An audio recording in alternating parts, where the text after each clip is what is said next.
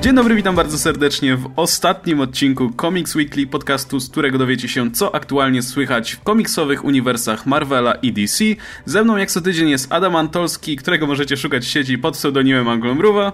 Światy umrą, światy przeżyją i nic nie będzie takie samo. Okay. To było powitanie. Takie chciałem dramatycznie zacząć na ostatni odcinek. Okej, okay, okej. Okay. I Oskar Rogowski, którego możecie szukać w sieci pod pseudonimem Komiksomaniak 616. Ja mogę tylko powiedzieć, że wszystko umiera. Dobrze, w takim razie, jak już zaczynamy tak grobowo, to powinniśmy przejść do e, tematu w zasadzie takiego, który tutaj trochę dodatkowo poruszymy z racji tego, że już obiecałem. W takim razie Daredevil, e, sezon drugi który już zdaje się, no ja, ja mam obejrzany cały Oscar też, Adam, na którym odcinku się zatrzymałeś? Na dziewiątym. Aha. nie, nie chcę mi się już tego kompletnie nie możesz, oglądać. Nie możesz się przekonać. No i tutaj jesteśmy trochę podzieleni w opiniach z tego, co widzę, bo ja, ja obejrzałem co prawda cały sezon bez jakichś przerw. Parę razy mnie trochę właśnie tutaj korciło, żeby zrobić sobie przerwę, ale stwierdziłem, że nie, dokończę. Um, no i po, po obejrzeniu, po całym, powiedzmy, moim małym maratonie byłem usatysfakcjonowany, ale potem im dalej od seansu, tym coraz więcej rzeczy zaczęło mi przeszkadzać, im dłużej zacząłem na, tym, na temat tego sezonu myśleć.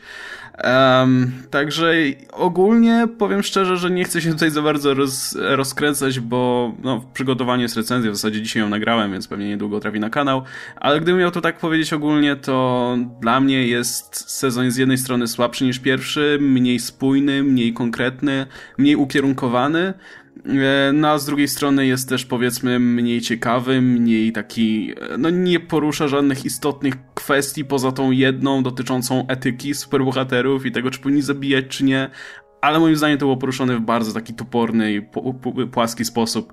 Więc poza świetnymi scenami walk, poza genialną postacią Punishera, który został kapitalnie nakreślony e, i paroma mniejszymi czy większymi plusami, to jestem jednak trochę rozczarowany. Zgadzam się. Mi bardzo się podobały pierwsze cztery odcinki, kiedy był to praktycznie Punisher vs. Daredevil, gdzie dostaliśmy wreszcie świetnego Punishera, którego dało się oglądać i który nie obrażał niczyjej inteligencji, który miał faktycznie e, jakąś drogę za sobą, kiedy czuło się jego cały taki skomplikowany proces moralny. Właśnie nie skomplikowany, ale taki pewien... E, pewne myślenie moralne za nim idące i cała reszta po tych czterech odcinkach to jest walki z kitowcami. E, potem, żeby zabrać jakiś McGuffin, potem idziemy w drugie miejsce, żeby walczyć z kolejną grupą kitowców i zabrać kolejny McGuffin i w tym momencie tak trochę odpadłem, bo nie mam, tylko mam kompletnie w dupie ten cały wątek The Hand i zaczęła mnie seria straszliwie nudzić, co się, co się w ogóle nie wydarzyło wcześniej, kiedy kiedy sięgałem do pierwszego sezonu, sięgnąłem do pierwszego sezonu chyba jako ostatni, wiele tygodni już po tym, kiedy wyszedł, e, to łyknąłem całość w dwa dni. Spędzę każdą wolną chwilę poświęcałem Daredevilowi. Natomiast tutaj od razu połknąłem cztery odcinki i później wszystko siadło. Jakość i całości i w ogóle scenariusz jest jak gdyby gorzej napisany, jest dużo mniej ukierunkowane, bo z jednej strony wygląda na to, że chcą poświęcić całą uwagę pani Sherowi na samym początku tak wygląda, a później cała uwaga jest natychmiast przesunięta do Hand i nie jest to jakoś dobrze wpisane. Nie podobało mi się nawet jak e, nie podobał mi się nawet Stick jak się pojawił, kiedy Sticka uwielbiałem w pierwszym sezonie. Tutaj się pojawił i zaczął mówić te swoje mambo jumbo prorocze. E, był to bullshit. Przypominało to pierwszy sezon Agents of S.H.I.E.L.D., kiedy mówili o o tej tragedii w Chinach i tak dalej i nic nie pokazywali, tylko mówili. Tutaj dokładnie tak samo. E, nie podobał mi się, nie podobała mi się Elektra, ani trochę, nie ma żadnej chemii z matem. E, wy, próbują zbudować ją jako taką niebezpieczną e, dziewczynę, która wiesz, kopie dupy jest trochę nieprzewidywalna, ale w ogóle nie działa jej relacja z matem. Nie czujesz tego, czujesz, że jest to udawane. Nie czujesz w ogóle jakiejś emocji między nimi moim zdaniem e, na przykład romans z Karen miał, e, miał potencjał, ale został w dużej mierze zmarnowany. E, katolicyzm Mata, który w pierwszym sezonie był świetnie napisany, bardzo mi się podobały wtedy dialogi z księdzem i wtedy jego ówczesne jak gdyby rozterki moralne. Tutaj mi się nie podobało, wydawało mi się, że było to przedstawione bardzo prymitywnie, gdzie nagle zaczyna mieć z Karen teologiczną dyskusję nad Punisherem. Nie, to Bóg ma decydować o tym, kto umiera. No, jakoś to strasznie dziwnie i ostro spadło w jakości, moim zdaniem. Ja mam kompletnie inne zdanie. Mianowicie ten sezon uważam, że zrobił praktycznie wszystko lepiej niż pierwszy. Przecież każdy element, który podobał mi się w pierwszym, tutaj podobał mi się jeszcze bardziej. W żadnym momencie się nie nudziłem.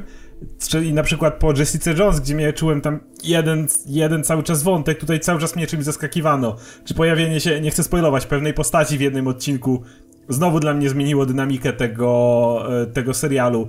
Punishera to chyba wszyscy uwielbiamy, więc to tutaj nie ma o czym mówić, bo bym się powtarzał. Ale znowu nie zgodzę się z Elektrą. Elektrę bardzo polubiłem, dla mnie to było po prostu uosobienie tego, kim jest Elektra. Absolutnie czułem jej chemię z matem, to absolutnie do mnie też, też trafiało. I tak, sezon ma swoje problemy, ale no musiałbym wejść w spoilery, żeby je powiedzieć, to po pierwsze.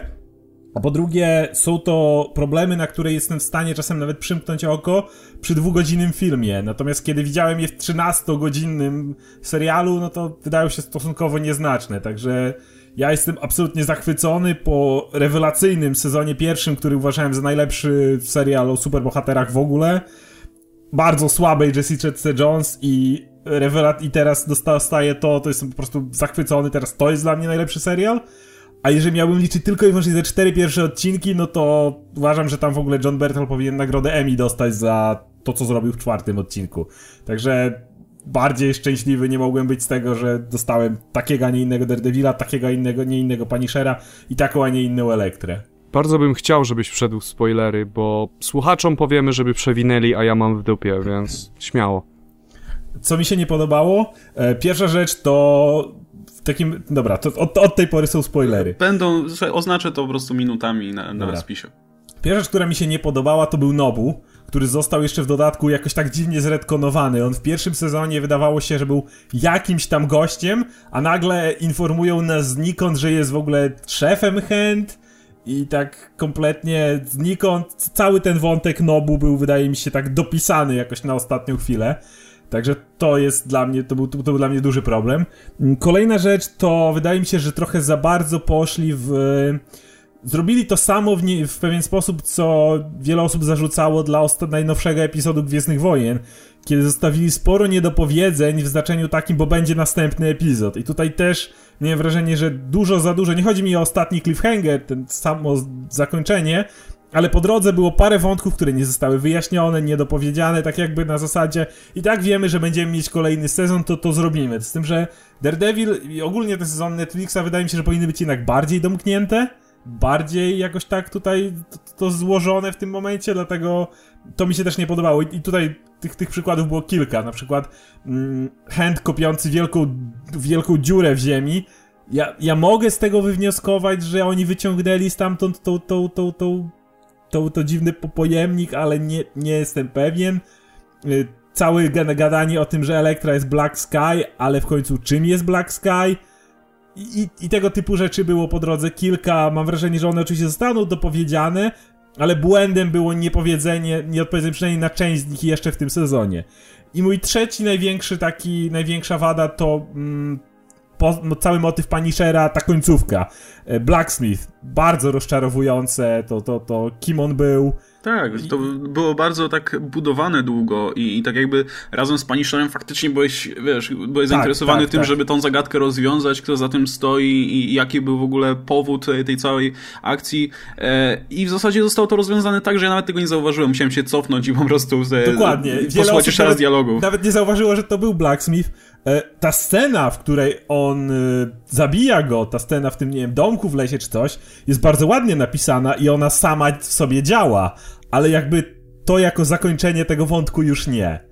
Więc to są moje takie, takie największe wady, które ja zauważyłem, pomimo tego, że cały czas mój serial mi się bardzo podobał. To jeszcze tak w nawiązaniu do tego, co mówiłeś, że, że uważasz, że każdy element został poprawiony, to właśnie ja się z tym za bardzo nie mogę zgodzić. Przede wszystkim ze względu na, e, powiedzmy, w tym serialu, brak, znaczy w tym sezonie brakuje jakiegoś realnego zagrożenia namacalnego dla Mata.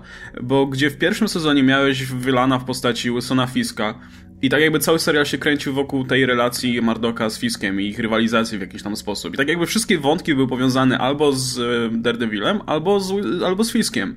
E, tutaj masz tak naprawdę nagromadzenie tych wątków. Masz Hand, masz Punishera, masz jeszcze Elektrę i całą tą akcję i brakuje czegoś takiego konkretnego, takiego punktu zaczepienia, w którymś momencie się to po prostu bardzo rozmywa, bo dużo bardziej powiedzmy wiarygodnym zagrożeniem jest postać taka jak Fisk, gdzie znasz jej motywację, wiesz co ona chce zrobić e, i, i na dobrą sprawę można ją w jakiś sposób zrozumieć. Tutaj masz w zasadzie grupę ninja z tym Nobu na czele, I, no i na dobrą sprawę oni tak mówią zagadkami i mają jakiś cel, jakiś zdobyć tą broń i tak dalej, ale to nie jest nic, co by cię zaangażowało, szczególnie jeśli wcześniej w serialu miałeś ten wątek Punishera, który był, no, no świetnie prowadzony i również był bardzo czytelny, jasny, wiadomo było o co chodzi. No potem się to właśnie rozmywa i to jest tak jakby mój największy problem, jeśli chodzi właśnie o porównanie poprzedniego sezonu z tym. No i drugi powód jest też taki, że moim zdaniem sam Matt Murdock jest pisany dużo gorzej dużo mniej, powiedzmy, no naprawdę trudno go zaakceptować, zaakceptować jego działania, e, trudno momentami mu w jakikolwiek sposób kibicować, bo zachowuje się bardzo nieracjonalnie i, i głupio momentami, e, no ale to już Adam o tym mówił, że, że też jego ten kompleks Mesjasza na pierwszy plan wyszedł i, i to jest bardzo irytujące, szczególnie właśnie w, ponownie w kontraście do Punishera, który, no, no, którego konfrontacja z Mardokiem po prostu jasno wskazywała, kto ma jakiekolwiek powody, e, żeby się zachowywać tak, jak się zachowuje. W, przypadku Mata moim zdaniem trochę zabrakło jednak jakiejś jasnej motywacji w jego postaci. Jeśli chodzi o wymagania Daredevila do Punishera, to one są dosyć niskie. On po prostu oczekuje od niego, że nie będzie zabijać ludzi. Chyba możemy uznać, że to jest takie bardzo podstawowe wymaganie, które można uznać za uniwersalne prawo dla wszystkich. E, ale faktycznie zabrakło jakiejś wielo, jakichś dodatkowych warstw do tych przemyśleń, dlatego że to było takie bardzo proste, nie zabijaj, bo to jest złe. A Punisher na to za każdym razem odpowiadał, no tak, ale ty zostawiasz przestępców, a ja ich zabijam na dobre i oni już nie wracają. I jak gdyby nie było żadnej odpowiedzi na to. I poza takim bardzo prostym, bardzo spłyconym katolickim wyjaśnieniem, że to Bóg ma prawo decydować, kto umiera, a kto nie, co moim zdaniem strasznie tą postać spłyciło i wie, jak gdyby to było właśnie fajne w pierwszym sezonie, ten aspekt e, religijny do pewnego stopnia, bo był bardzo subtelnie poprowadzony i bardzo inteligentnie. Tutaj był tak znaczy, strasznie łopatologicznie. Nie, nie. Było to powiedziane. Trzeci epizod i rozmowa na dachu, kiedy Matt stara się mówić o nadziei i o tej, tej cząsteczce dobra i pani oczywiście stara się to skontrować mówiąc, że uważam, że w gościach, których, których ja koszę nie ma tego dobra, a Matt wierzy, że, że jest i jest, jest opcja drugiej szansy. To nie chodzi o to, że Bóg mi mówi, że tego zabić, a nie, ale on stara się mówić o drugiej szansie, że każdy ma miejsce na odkupienie tak, ale I... zostało to zrobione tak jak gdyby bardzo po łebkach, jak gdyby I oni po prostu wprost mówią to o swoich jak gdyby wartościach, co jest taki, takim złamaniem znaczy... zasady show, don't tell. Wydaje mi się, że właśnie w tej scenie na dachu, kiedy oni mówią o swoich wartościach, zostało świetnie poprowadzone. Właśnie ta ich dyskusja uważam była rewelacyjna. Ale jeszcze jeśli chodzi o zagrożenie, to mm, Wilson Fisk jest dalej re realnym zagrożeniem i scena, w której on, y, Matt przychodzi do niego do więzienia, uważam, że znowu została kapitalnie napisana i relacja Mata i Fiska naprawdę moment, kiedy on zaczyna mówić o Vanesie i patrzysz na Vincenta D'Onofrio jego, jego, on nic nie mówi wtedy, ale słucha tego, ale widzisz jak on się gotuje po prostu i myślisz, o kurde, Mat, nie powinieneś był tego mówić, Z zaraz to się dla ciebie źle skończy, więc to był ten moment. A druga rzecz to wydaje mi się była trochę chodziło właśnie o tą moralność Daredevila i nawet ten moment, kiedy on się złamał, kiedy on mówi do pani Shera, że Yy, Okej, okay, ten jeden raz może masz rację, ten jeden raz może faktycznie nie ma tego odkupienia i Punisher nawet wtedy mówi mu, okej, okay, słuchaj, ale jak to zrobisz, to już nie będzie powrotu, nie, nie ma czegoś takiego jak jeden raz i to też było fajne. A kolejna rzecz z, z tym motywem, wydaje mi się, że mi się bardzo podoba zakończenie motywu Elektry i Punishera, którzy idą obok siebie, yy, z tego powodu, że Elektra znajduje to odkupienie na końcu. Ona yy, jakby poświęca się i jest w stanie na końcu jakby zejść na tą drogę, którą Matt proponował i dokładnie bliźniaczo do tej sceny masz moment, w którym Punisher mówi, że jakby on już umarł i robi to, co robi i idzie w drugą stronę. I to, i to idealnie w tym samym momencie jest poprowadzone, więc wydaje mi się, że jakby to było ważniejsze niż y, motyw chęt, tak jak powie, ja wspomniałem, Nobu jako złoczyńca kompletnie nie, nie miał znaczenia w tym, w tym serialu, ale reszta tak i jakby to, to mi zagrało cały czas. A Wilson Fisk dalej swoje zrobił. Mi Hand w ogóle nie zagrało i Nobu jak... Wiesz, jak dla mnie Hand przez, do tej pory, jestem na etapie dziewiątego odcinka, to wciąż jest banda anonimowych Japończyków z Jakuzy, których, którym kopią dupę. Przychodzi, yy, przychodzi tłumek, musimy im skopać dupę, jest scena akcji, oni leżą na ziemi i kończymy, kończymy i przechodzimy dalej. I to było, to jest tak nudne, to się, to się zaczyna robić naprawdę wtórne, dlatego znaczy, że... Ja odniosłem po prostu wrażenie, że, że to nie, nie o to chodziło, oni byli tylko środkiem, żeby coś pokazać, żeby jakiś, jakiś, jakiś, jakiś rozwój elektry zrobić, no ale ja miałem wrażenie, że oni są tutaj bardziej Kingpin był charakterem, Kingpin był postacią, którą trzeba było się zająć. Oni byli tylko jakby takim środkiem do pokazania pewnej walki elektry w, w sobie i tego, jak ona na końcu zresztą jej decyzji, kim ona chce być. No tak, tylko że wiesz, problem jest taki, że w moim przypadku, albo też wydaje mi się, że w przypadku Adama jest podobnie, e, jeśli nie kupujesz elektry i relacji z matem, a ja nie kupuję też, szczerze mówiąc, bo nie, nie kompletnie nie czuję ich romansu e, i w ogóle ich związku ze sobą, e, to też masz potem problem z śledzeniem jej tej przemiany, bo, bo też do końca w nią nie wierzysz, bo tak jakby ten wątek elektry i tak się kręci wokół Mata. Tym bardziej, że akurat ta jej scena śmierci jest bardzo taka łzawa i sztampowa bardzo, z tym, z tym monologiem umierającej osoby, którą po prostu widziałeś milion razy że o, te, teraz się mogę poczuć dobra i tak dalej. No, no mnie to nie kupowało zupełnie, więc to jest oczywiście kwestia osobistej Jasne. wrażliwości, nie? Niektóre rzeczy oczywiście do ciebie trafią, bo, bo, bo już tak jest, a, a do mnie akurat nie. I też myślę, że w wielu tych przypadkach to tak jakby właśnie tutaj się, tak jakby nasze stanowiska różnią w tym, że ja po prostu wielu tych treści, które tutaj serial próbował przekazać, no nie załap... No, nie tyle nie załapałem, co mi się wydawało po prostu trochę zbyt... E powiedzmy, nie wiem, żeby, żeby tutaj nie używać pejoratywnych określeń, po prostu zbyt jasno przekazane, tak jakby trochę topornie. E, bardzo sobie ceniłem te niuanse z pierwszego sezonu i kiedy tutaj strasznie jasno i bardzo czytelnie bohaterowie mówią o tym, co czują, jakie mają system wartości, to mnie to trochę odrzucało i właśnie sprawiało, że trochę się właśnie od tego całego, to tych wszystkich dylematów etycznych oddalałem, więc e, no więc dlatego właśnie cenię jednak bardziej ten sezon pierwszy, tym bardziej, że no mówię, te, te postacie po prostu mi tutaj za bardzo nie grały poza Punisherem. E, Matt odnosi się w pewnym momencie do takiego wątku, czy do takiego tropu iskry Bożej. To znaczy, że każdy człowiek posiada taką w sobie pierwiastek dobra i trzeba ten pierwiastek wyciągnąć. I to jest bardzo dobry motyw, który mogli bardzo rozwinąć w kwestii jego przemyśleń, ale i to by też bardzo fajnie ko korespondowało, czy koresponduje. Ale tym jest właśnie zdaniem. Ty, o to chodzi dokładnie, ty, o to tylko, chodzi w Elektrze. ja tego kompletnie nie kupuję u Elektry, a w momencie, kiedy Matt robi wykład na ten temat, ja tracę zainteresowanie, dlatego, że to się wtedy zaczyna robić, nie wiem, katecheza, a nie faktyczne dylematy moralne. Bardzo mi się podobał moment, w którym Punisher przylepił y, Mattowi spluwę do ręki i kazał mu dokonać wyboru, bo to był prawdziwy dylemat moralny. To był cytat to było z komiksu. To, wiem, wiem o tym. E, ale to było e, dosłowne postawienie Mata w sytuacji, z której on musi teraz znaleźć jak gdyby siłę wyjść, jakieś rozwiązanie.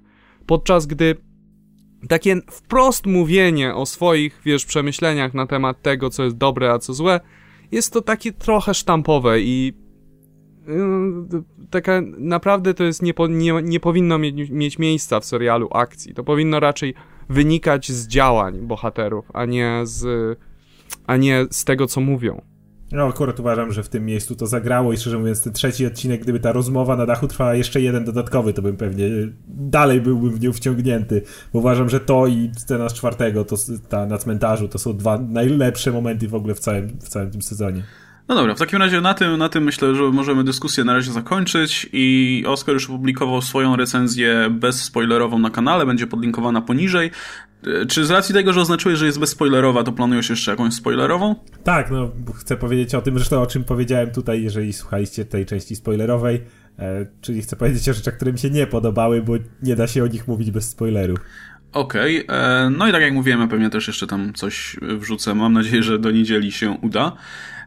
No a propos właśnie seriali Netflix, to w zeszły weekend chyba, z tego co pamiętam, mieliśmy okazję obejrzeć też taki bardzo króciutki teaser e, Luka Cage'a, czyli kolejnego serialu właśnie Netflix, który nam trochę sugeruje, w zasadzie też go podlinkuję poniżej, o ile się da, bo to zdaje się, że było do bliżej na Netflix. Podejrzewam, że teraz i tak już trafiło gdzie indziej, więc e, tak czy siak podlinkuję ten materiał, e, który trochę sugeruje, mam nadzieję, że tak będzie, że serial będzie mocno inspirowany takim e, bardzo tutaj klasycznym blaxploitation, bo Raz, że samo logo tego serialu wygląda po prostu jak żywcem wzięte z jakiegoś plakatu Black Exploitation, z tym fontem i tym cieniem, takim no bardzo charakterystycznie wygląda w każdym razie. No i dwa, że kiedy pod logo podrzucono taki rapowy, brudny podkład, e, no to, to można było, można się spodziewać, że to będzie bardzo taki e, no, e, serial bardzo oparty o te klimaty właśnie Harlemu i tak dalej, więc no, e, mam nadzieję, że chciałbym szczerze mówiąc, nie wiem, nie wiem czy, czy powinienem na to liczyć, ale chciałbym, żeby ten serial miał troszkę inny klimat jednak niż, niż te poprzednie, żeby był, żeby, żeby jasne, Luke Cage, nie, nie wyobrażam go sobie, żeby był tutaj harcerzykiem a, i żeby, wiesz, ten serial się obywał bez przemocy i tak dalej, ale mam nadzieję, że będzie trochę więcej luzu tutaj z racji tego, że, że Luke, że Luke dysponuje tutaj poczuciem humoru, e, no i że, że klimat tego tego serialu będzie troszkę taki bardziej kiczowaty, właśnie taki już wzięty trochę właśnie żywcem z, z Black Exploitation.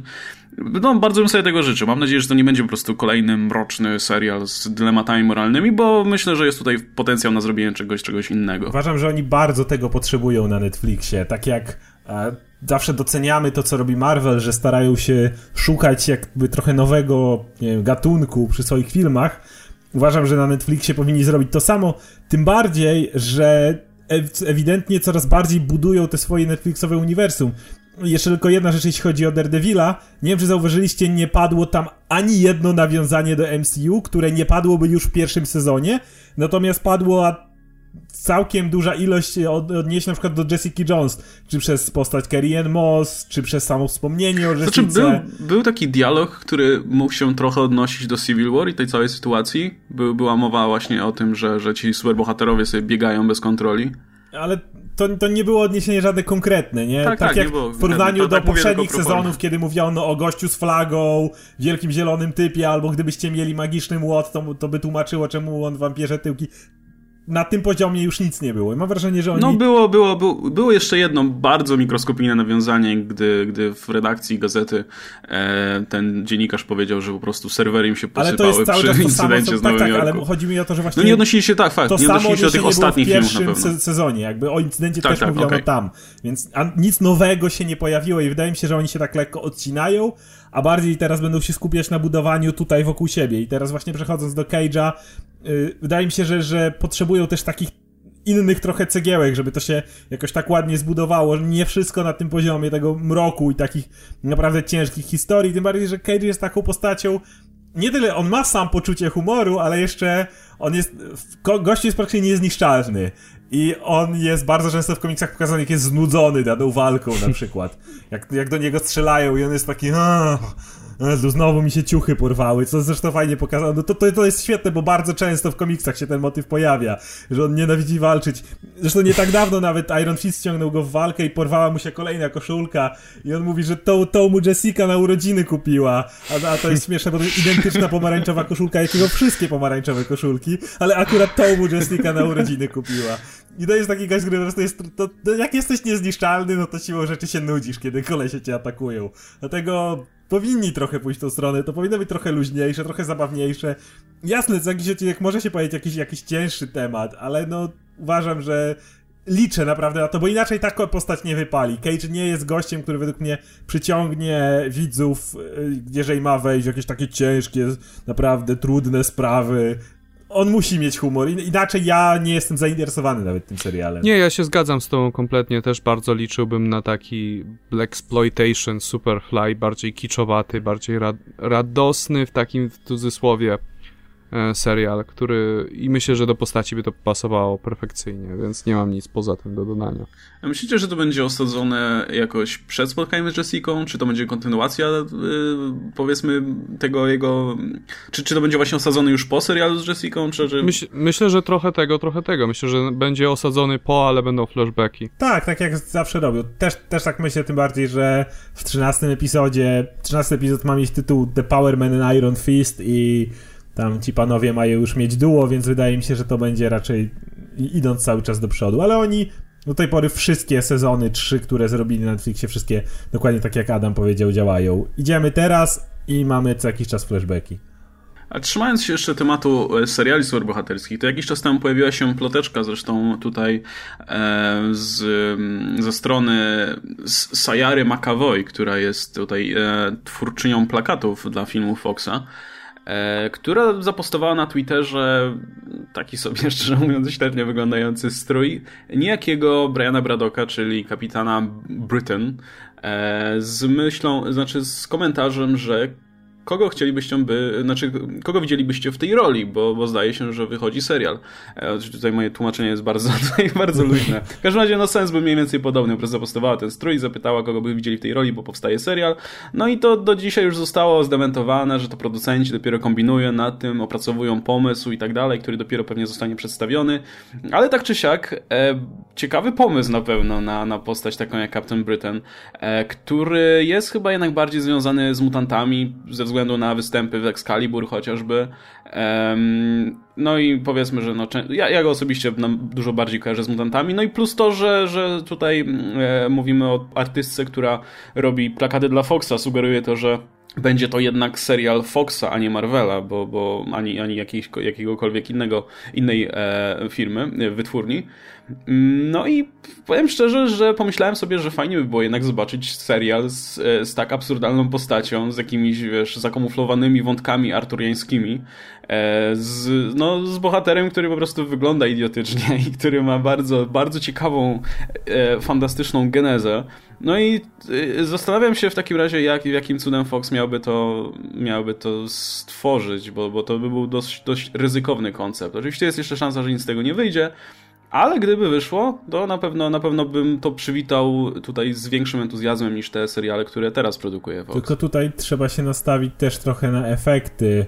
Y, serial to serial, czyli a Brian Braddock jest gościem, który lata, więc jeżeli kupujesz latanie, nie wiem, w Supergirl, czy efekty we Flashu, czy tego typu rzeczy, no to, to prawdopodobnie na tym poziomie byś dostał efekty, bo to cały czas budżet telewizyjny. Natomiast jeśli nie kupujesz, jeżeli ta kiczowatość, bo umówmy się, to ale jest wiesz, kiczowatość, masz... cię razi, no to masz... niestety, ale w tym serialu pewnie też by cię raziła. Tak, ale wiesz, masz gościa ubranego w flagę Wielkiej Brytanii, tak, więc tak. trudno, żeby tutaj oczekiwać powagi, szczerze mówiąc. Tak, ale po prostu wiesz, że efekty były prawdopodobnie na tyle kiczowate, co w tych innych serialach.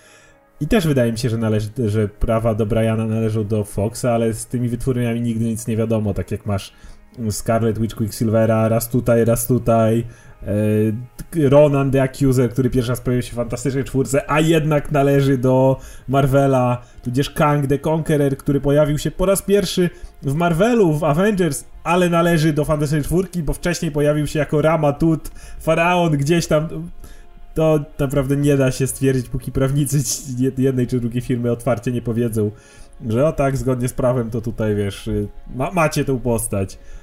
Ba leży mi bliżej mutantów, ale naprawdę ciężko powiedzieć. Ja sam osobiście sprawdziłbym, jak każdy serial o superbohaterach mi kiczowatość nie przeszkadzała w Legends of Tomorrow, we Flashu, w Supergirl. In, inne rzeczy mnie w różnych z tych seriali rażą, ale nigdy kiczowate efekty, więc pewnie czemu nie. No i przejdźmy sobie w takim razie do w zasadzie tematu numer jeden od wczoraj. Nagrywamy podcast w czwartek, więc wczoraj w środę pojawiły się pierwsze recenzje Batman v Superman Dawn of Justice.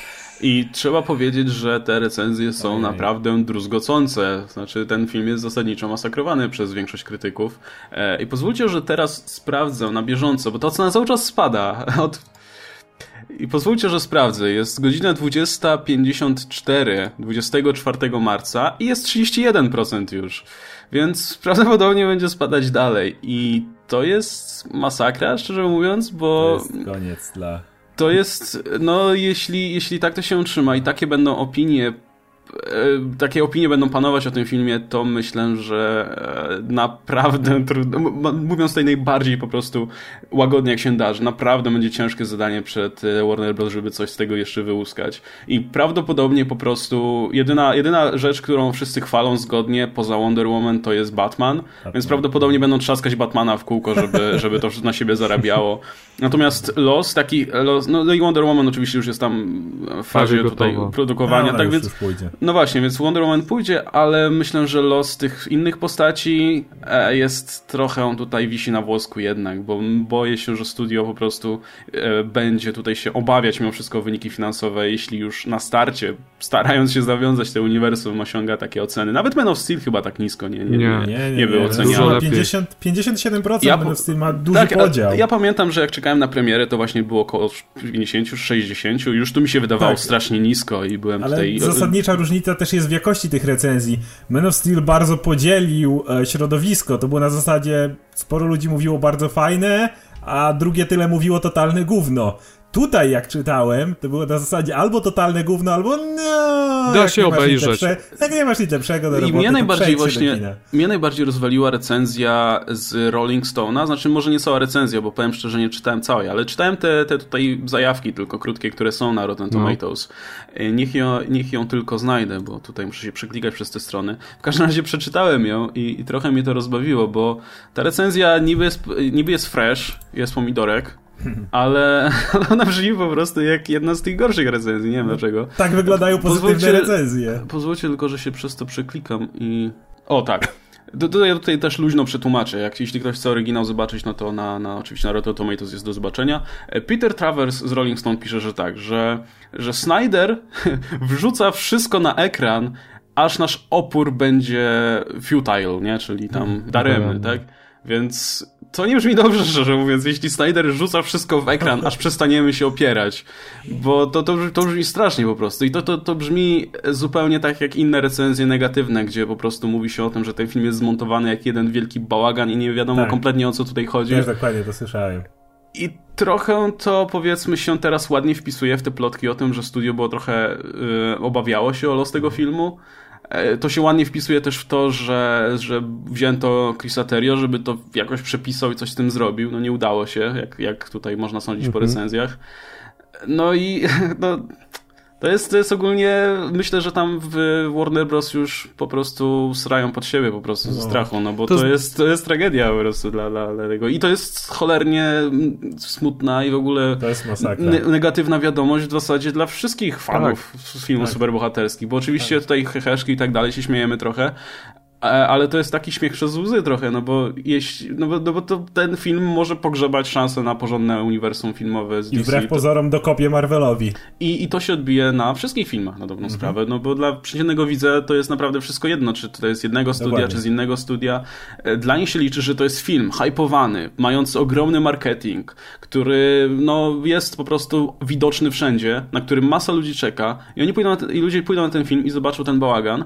I oczywiście jest sporo recenzji, tutaj masa ludzi mówi, że jest dużo recenzji od ludzi, którzy oceniają to wysoko, tylko że te pierwsze recenzje to są zwykle recenzje ludzi, którzy są tak z tym zajarani, że prawdopodobnie... czwórka miała pierwsze recenzje. Ła, dobre! To są recenzje ludzi, którzy są tak zajarani, że oni po prostu zaakceptują wszystko. A wiadomo, że filmy nie sprzedają ci ludzie, ci wszyscy fani komiksów i tak dalej, tylko przeciętni ludzie, którzy się, w- się w tym za bardzo nie orientują. Więc jeśli ten film jest tak oceniany przez krytyków, to prawdopodobnie też dla przeciętnego widza to nie będzie zbyt dobra rozrywka. I jest, jeszcze jest ten jeden argument, że masa ludzi mówi, że a, to tylko opinia krytyków, im się nic nie podoba i tak dalej. Ale to jest taki bullshit, bo to, wiesz, to, to nie jest tak jak w Polsce, że idzie Paweł Felis z, oglądać film superbohaterski, a potem smaży tą swoją recenzję w metrze, czy, czy tam co jest grane, czy wyborczej, że o, y, spłytki film i same efekty specjalne i tak dalej. No nie, no to są ludzie, ci wszyscy ludzie, którzy oceniają ten, ten film tutaj e, w tych recenzjach, są ludzie, którzy widzieli tych filmów superbohaterskich, tych wszystkich superprodukcji już po prostu masę. I tak jakby mają pewien punkt odniesienia i wiedzą na, na, na czym dobry film powinien się opierać, tego typu film.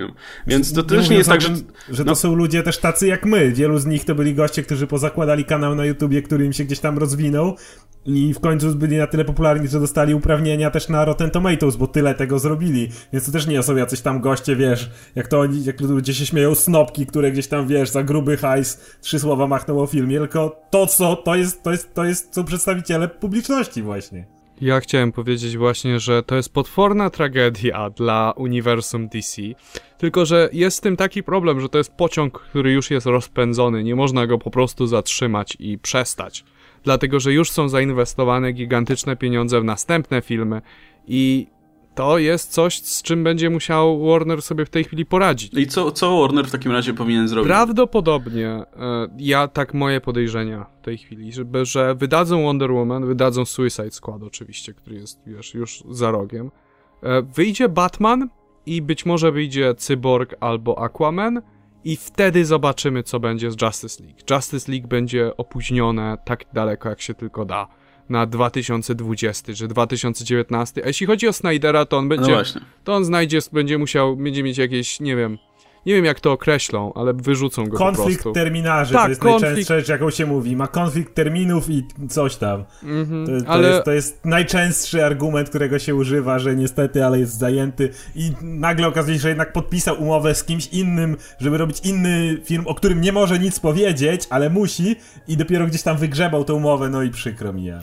Bo nie ma siły, żeby utrzymali Snydera na... Nie ma szans. Nie ma szans. Po takiej porażce nawet jeśli już jest w, wiesz, preprodukcji Justice League, to e, no po prostu na tym wczesnym etapie się wycofają jeszcze i wstrzymają się na dwa lata, być może, z Justice League, dlatego że w tej chwili, no, no jaki jest sens robić Ligę Sprawiedliwości, kiedy film, który miał cię, wiesz, podekscytować, miał być wstępem, miał być na, wstępem do, do, Ligi Sprawiedliwości, jest kompletnie... To były fundamenty, dwie postacie, na których barkach tak naprawdę miało całe uniwersum leżeć, Tak, więc... tylko że z tego co wiem, bo już do mnie dotarły spoilery, a, niestety, ale nie będę tutaj spoilować, ale powiem tylko tyle, że z tego co mi, co z tych spoilerów wynikało, to nie bardzo jest fabularnie możliwe. Przynajmniej będą musieli wymyśleć jakiś jakieś deus ex machina, żeby to opóźnić, ale będzie to konieczne tym na tym etapie, dlatego że e, no po prostu nie wy... O ile ten film jeszcze się sprzeda, Oczywiście, to, że się sprzeda. To już Liga Sprawiedliwości może być gigantyczną klapą finansową właśnie po, po takim wstępie. Natomiast e, mają szansę się odbić na tych solowych filmach i mam liczę, że to jeszcze w ten sposób się uda z tą sprzedażą to też może być różnie. Nie chodzi o to, że, że stracą, no, jestem pewien, że nie stracą na tym filmie, ale jest kwestia te zarobić i zarobić. Wiesz, The Amazing Spider-Man 2 też zarobił i to wcale nie małe pieniądze. Po prostu zarobił przynajmniej, mm, nie wiem, z połowę tego, co zakładało Sony, co Sony potrzebowało w tym momencie, inwestując tak dużo czasu, kasy i tak dalej. Bo ten film kosztował około 200 milionów, mówię o Spider-Manie jeszcze, za kampanię mówi się, że wydali kolejne 200, bo Spider-Man był wszędzie, a zarobili koło 700. To jak tam odciachasz te wszystkie rzeczy, które kino bierze i tak dalej, no to wyjdzie, że jakieś 100-150 byli na plus. No ale przy takim wydatku, no to mogli w ten sposób zainwestować w 5 innych filmów i to by im się to gdzieś tam pozwracało dużo lepiej. Więc znowu z tym Batman v Superman może być tak samo. I tu najważniejsza rzecz, którą powinniśmy powiedzieć, żaden z nas nie widział tego filmu jeszcze i na przykład ja mogę wyjść, w, idę w niedzielę z tego filmu i stwierdzić, że mi się bardzo podobał. Tylko jakby to nie ma absolutnie żadnego znaczenia dla przyszłości e, kinowego no tak, uniwersum wieść poszła w świat już po prostu. Który, które w tym momencie, tak, to, to, że ja będę jednym z tych 33% albo jeszcze mniej, które tam nie napisali, że w miarę, to, to nie ma żadnego znaczenia i oni w tym momencie tak czy inaczej są po prostu w dupie. To myślę, że tak, Justice League poleci na właśnie, tak jak powiedziałeś, termin nieokreślony. Na jego miejsce, tam gdzie oni planowali to zrobić, wskoczy solowy film o Batmanie, bo to jest jedna rzecz, cały Batman i Superman, która jest uniwersalnie chwalona. E, a dalej ciężko powiedzieć, Wonder Woman 2, Wonder Woman 2 na przykład, Suicide Squad 2, no tutaj zależy jak to pójdzie. Albo solowy no, film o Supermanie ale jest al, albo nowy film o Supermanie, ale to jest, to jest taka masakra, bo to jest zawsze siłą DC nad Marvelem jest właśnie Batman i Superman, ponieważ są dużo bardziej rozpoznawalni niż ktokolwiek w Marvelu. Ale to jest też duża jakby słabość DC, bo jeżeli spieprzysz tych dwóch gości, to jesteś w takiej dupie po prostu. A jakby spieprzyli Ironmana, spieprzyliby, nie wiem, Tora, to nie są tak ikoniczne postacie. Na ich miejsca można wstawić kogoś innego. Batman i Superman, jeżeli oni nie, nie będą tymi fundamentami mocnymi, no to sorry, ale DC uniwersum nie zbudujesz na niczym innym, więc to, to, to jest masakryczna porażka.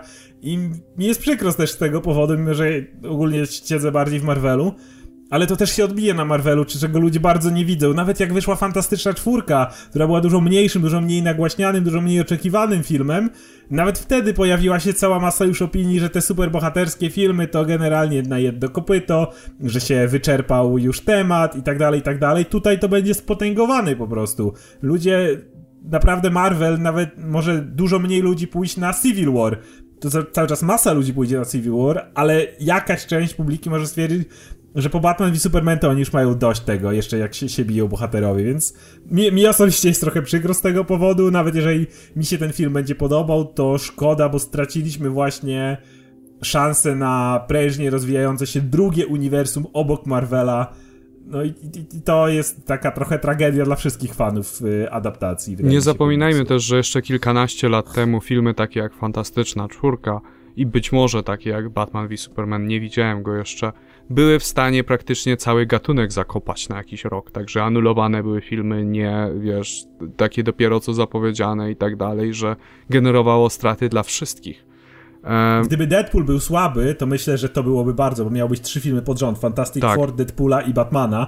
Gdyby Deadpool był też tak, takim kiczem, bardzo możliwe, ale właśnie na szczęście mieliśmy miesiąc temu taki bardzo hit znikąd, którego nikt się nie spodziewał i myślę, że to akurat jeszcze do, dobra rzecz.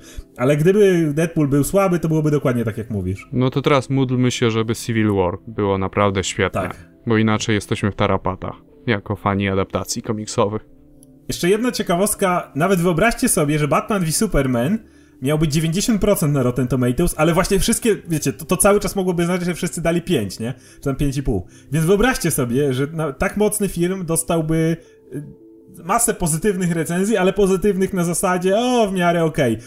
Nawet wtedy to byłoby źle. Wyobraźcie sobie, że Avengers, film, który tak naprawdę po raz pierwszy w życiu pokazał, że to działa, że uniwersum filmowe działa, dostałoby masę 90% i wszystkie recenzje, całkiem fajny film, jak nie ma nic lepszego do roboty, to w sumie można obejrzeć.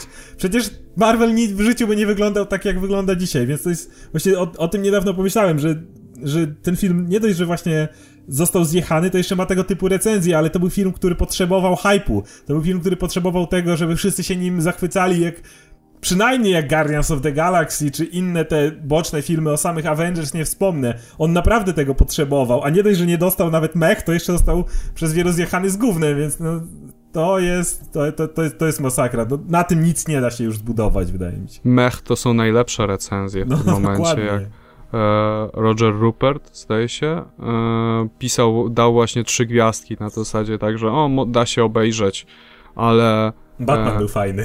Batman był fajny, ale nic poza tym. I generalnie najcieplejsza recenzja, którą ja czytałem tam z Rotten Tomatoes, to polegała na tym, że no nie znudziłem się przez 2,5 godziny, jestem pod wrażeniem.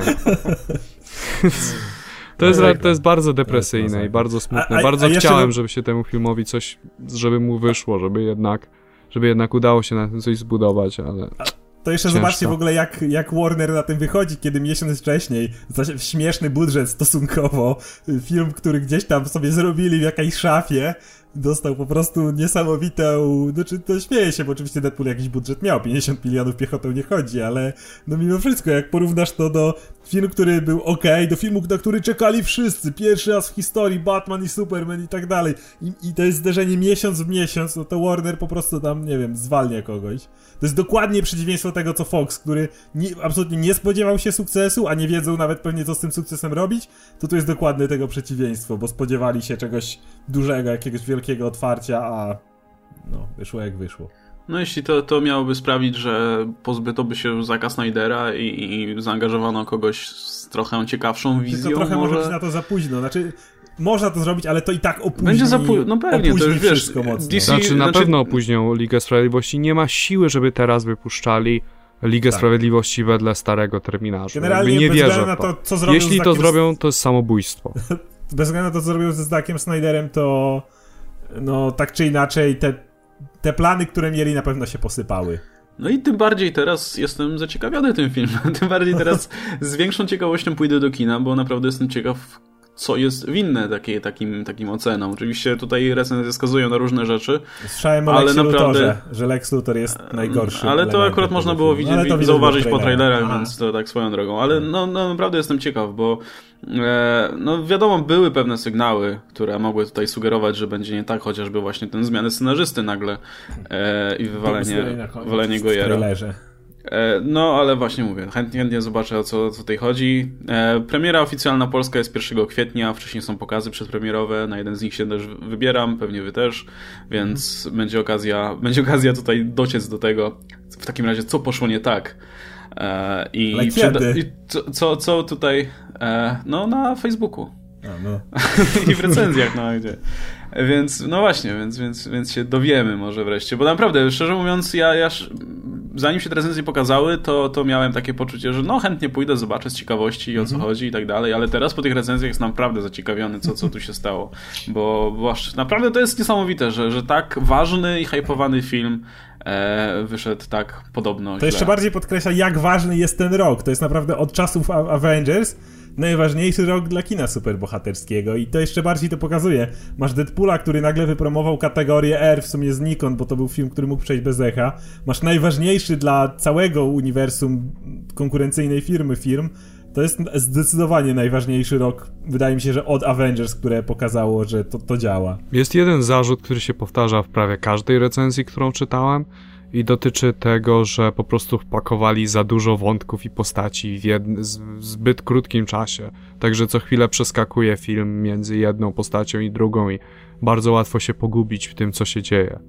Prawie każda recenzja mówi o tym, że to jest pięć filmów upchanych w jeden. To prawie każdą, którą czytałem. Nawet, nawet pozytywne to, to zaznaczały.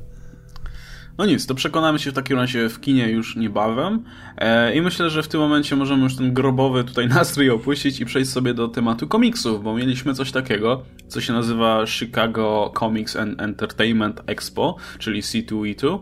E, imprezę, na której Marvel ogłosił kilka nowych tytułów komiksowych. I oczywiście mamy po prostu pół tony e, tajinów do Civil War 2, i tak jak oczywiście tutaj nasza polityka się nie zmienia, dalej, dalej, dalej mamy w dupie Civil War 2, ale na tej zasadzie, że pomówimy sobie jeszcze trochę o Civil War 2, natomiast dalej, tak, że tak powiem, nie jestem w stanie się tym eventem ekscytować w jakikolwiek sposób, e, ale w takim razie wypadałoby sobie e, o paru seriach powiedzieć. No przede wszystkim wiemy, że Vote Loki jednak skupi się na wyborach amerykańskich, e, co może nie jest dużym rozczarowaniem dla mnie, bo, bo jednak ten twój pomysł z Asgardem się wydał jeszcze ciekawszy, ale chętnie zobaczę sterową serię z Lokim. Mamy już, zdaje się, podanych twórców tego komiksu. Niestety strona mi się zawiesiła, więc nie mogę jej sprawdzić.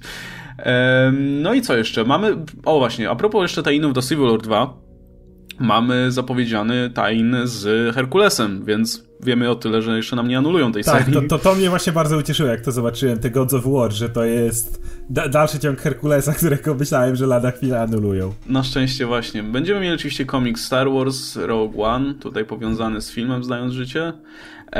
No tak, skroluję przez te... O, właśnie, rzecz, która mnie najbardziej cieszy, czyli komiks o Niku Furym. Ach, jaka, jak I oczywiście twórcy. komiks o Niku Furym bym stwierdził mech, mam to gdzieś, ale ilustruje go Declan Shalvey, którego uwielbiam po prostu, ale też pisze go Declan Shalvey. Więc tutaj jestem ciekaw, jak mu to opisanie ale wyjdzie. Jordi Bellery jeszcze. No tak, i oczywiście, kolor, no, kolor, ale Jordi Beller koloruje wszystko, co, co rysuje Declan Shalvey. Um, ale szczerze powiem, szczerze, po, ale szczerze, nawet gdyby ten komiks był fabularnie do dupy, to rysunki Shalveya sprawiają, że i tak bym po prostu go tutaj dokładnie, czytał i się tak. nim jarał.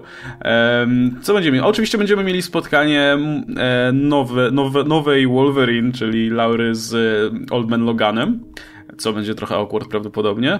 Będziemy mieli bardzo ciekawy, ciekawą nowelę graficzną, czy powieść graficzną pod tytułem Unbeatable Squirrel Girl Beats Up the Marvel Universe, czyli coś na co czekaliśmy tyle czasu, wreszcie. Punisher Kills Tak, tak, tak i Deadpool Kills My tak, W każdym tak, razie tak, tak, no i wreszcie do tego dojdzie, wreszcie zobaczymy to wszystko. Zobaczymy jak te wiewiórki po prostu przybijają się przez zastępy przeciwników.